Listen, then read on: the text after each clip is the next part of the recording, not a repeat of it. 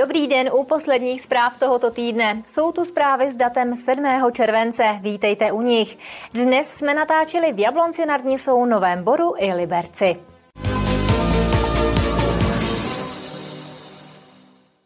Městská policie v Jablonci nad Nisou se snaží zvýšit bezpečnost v dalších částech města. Na sídlišti na Vršku proto otevřela novou okrskovou místnost. Služebnu využívá jeden strážník, ale také hlídky z výjezdu a asistenti prevence kriminality. Sídliště na Vršku je jedním z míst, které v Jablonci nad Nisou patří mezi problematické. Těch důvodů je hned několik. V jeho blízkosti se například nachází azylový dům, kde bydlí převážně lidé bez domova, kteří často narušují veřejný pořádek. V bezprostřední vzdálenosti se nachází i, eh, nebál bych se říct, problematická ubytovna, kde bydlí sociálně slabí spoluobčané a samozřejmě mix těchto negativních skutečností ovlivňuje vnímání občanů, kteří tam bydlí a obracejí se na nás. Městská policie se proto rozhodla na sídlišti zřídit novou služebnu. Odevření té služeby by mohlo přispět ke sklidnění celé situace a vnímáme to také jako možnost, že lidé eh, z té lokality poznají osobně strážníka, který bude mít na starosti bezpečnost v této lokalitě. S místním supermarketem jsme dospěli k dohodě, že poskytne prostor pro služebnu městské policie. Nájemné je sjednáno za symbolickou cenu 2000 2000 korun měsíčně bez DPH a zálohy za energie a vodu. A na dobu od července do konce října městu ještě řetězec nabídl snížené nájemné a to 100 korun měsíčně bez DPH. Služebnu využívá jeden strážník, ale také hlídky z výjezdu a asistenti prevence kriminality. Prostory navíc slouží i pro jednání s občany. Pro vyšší bezpečnost je na místě také nainstalovaná mobilní kamera. Nicméně eh, dostáváme se do takového začarovaného kruhu, a je to možnost řešení strážníka, když na základě záznamu z té kamery vyjede na místo a chytne tam bezdomovce, který popí alkohol a obecně závazná vyhláška mu eh, těch moc řešení nedává. Strážník může bezdomovci uložit blokovou pokutu nebo ho oznámit do správního řízení, které následně přinese ještě vyšší pokutu. Zvládat situaci s lidmi bezdomova pomáhají na sídlišti na vršku také terénní pracovníci azylového domu Naděje. Kateřina Třmínková, televize RTM+. Jsou to stručné zprávy z Libereckého kraje. Plánovaná velká oprava ještěru za stovky milionů korun je stále ve stádiu příprav. Zatím se přesně neví, kdy by rekonstrukce měla začít. Vlastníkem ještěru jsou od roku 2000 České radiokomunikace. Od té doby do oprav investovali přes 60 milionů korun. Tyto opravy se provádějí průběžně podle dlouhodobého plánu. Zoo Liberec pracuje na snížení spotřeby vody. Realizuje teď proto dva projekty. Jeden z nich je přírodní kořenová čistička vod. Ta bude součástí nového výběhu pro Levharty, který by měl vzniknout v místech současného pavilonu Levhartů. Druhým projektem je další přírodní čistička vod s pomocí nanovláken, jejichž vývojem a využitím se dlouhodobě zaobírá Technická univerzita v Liberci.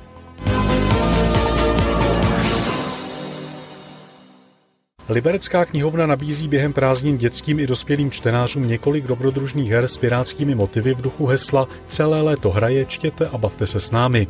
Všichni si mohou užít nové pátrací a úkolové hry, oživný gamebook a léto s pirátem Kolískem, které provedou po dobrodružné stezce nejrůznějšími zákoutími knihovny.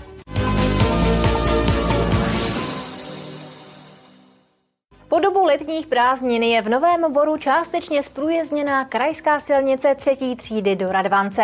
Doposud byla kompletně uzavřená kvůli výstavbě cyklostezky a celoplošné opravě vozovky. Provoz je tu jednosměrný. Kolem lesního hřbitova v Novém Boru je v současné době rušněji než obvykle.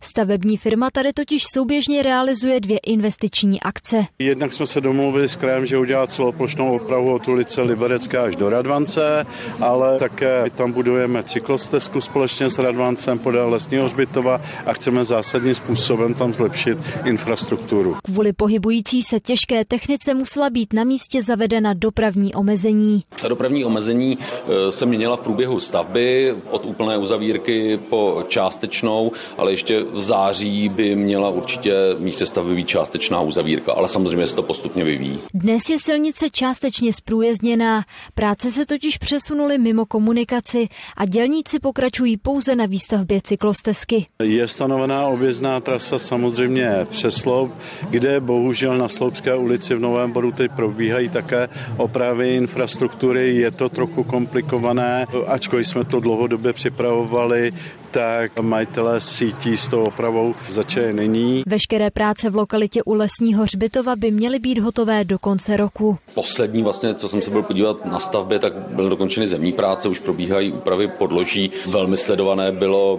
kácení zeleně vlastně hned na začátku stavby, protože podle té komunikace jí bylo poměrně značné množství, takže to provázely nějaké dotazy od četné občanů, ale nyní už tedy dochází k budování té samotné komunikace a stihne se to podzimu. Provoz lesního hřbitova stavební akce neomezily. Místní občané se sem mohou dostat pěšky. Po domluvě je ale možné k němu i přijet autem, a to na nejbližší možné parkoviště.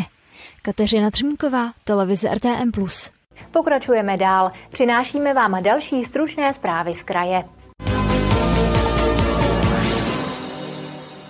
Liberecký kraj a Agentura pro sociální začlenování podepsali memorandum. Jeho cílem je úzká spolupráce při řešení problému sociálního vyloučení a rizik jeho vzniku na území regionu. Memorandum se také zaměřuje na prevenci dlouhodobé nezaměstnanosti a podporu návratu dlouhodobě nezaměstnaných na pracovní trh. Liberecký podnikatelský inkubátor Lipo Inc. spouští nový program pro začínající podnikatele s názvem Výkop. Intenzivní tříměsíční kurz připraví zájemce z libereckého regionu na úspěšný rozjezd jejich vlastního startupu. Kurz začne v polovině září.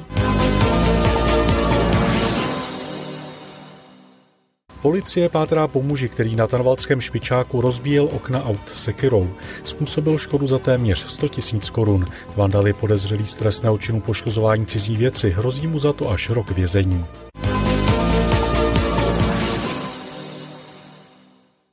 Motičkovic klika láká na neobyčejné prázdninové zážitky. Spolek se jako jeden z mála v libereckém kraji zaměřuje třeba na dětské emoce a vnímání. K tomu mu slouží nově vybavený senzorický pokoj, kde se děti mohou naplno uvolnit. Motičkovic Klika je jedno z celé řady zařízení v Libereckém kraji, které nabízí příměstské nebo pobytové letní tábory. Nabídka je opravdu široká. Děti se tady mohou seznámit i s ne zcela běžnými činnostmi. Děti tady mohou prožít eh, spoustu mm, zajímavých programů. Tohle je zrovna program pro eh, základní školu, kdy sem děti jedou na výlet s přespáním. Nicméně se můžou i třeba dopoledne na eh, různé programy, třeba práci s loutkou, anebo navštívit pokoj Láry Fáry. Právě tato místnost je velmi specifická. Spolek ji vytvořil už před několika lety své pomocí. Přednedávnem ale získal z norských fondů peníze a místnost tak dostala profesionálnější podobu.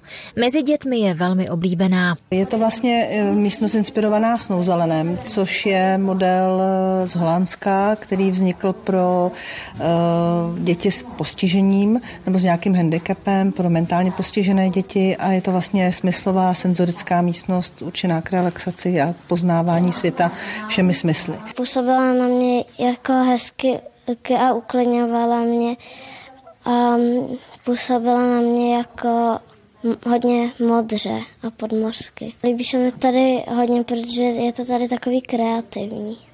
No moc se mi tady líbí a uh, hrajeme hry. Mám tady kamaráda Vojtu Dyma. Líbí se tady mi hodně a kamaráda mám Luboše Nejvíc mě zaujala indiánská baba. Volné termíny na letní prázdniny jsou už téměř pryč, tak si pospěšte, třeba budete mít štěstí a zažijete něco nevšedního. My se s kamerou do Motičkovic kliky ještě během léta také určitě vrátíme. Martina Škrabálková, televize RTM+. Tolik z pátečních zpráv. Pokračujeme našimi pořady, tak si je nenechte ujít. Pěkný víkend a v pondělí na viděnou.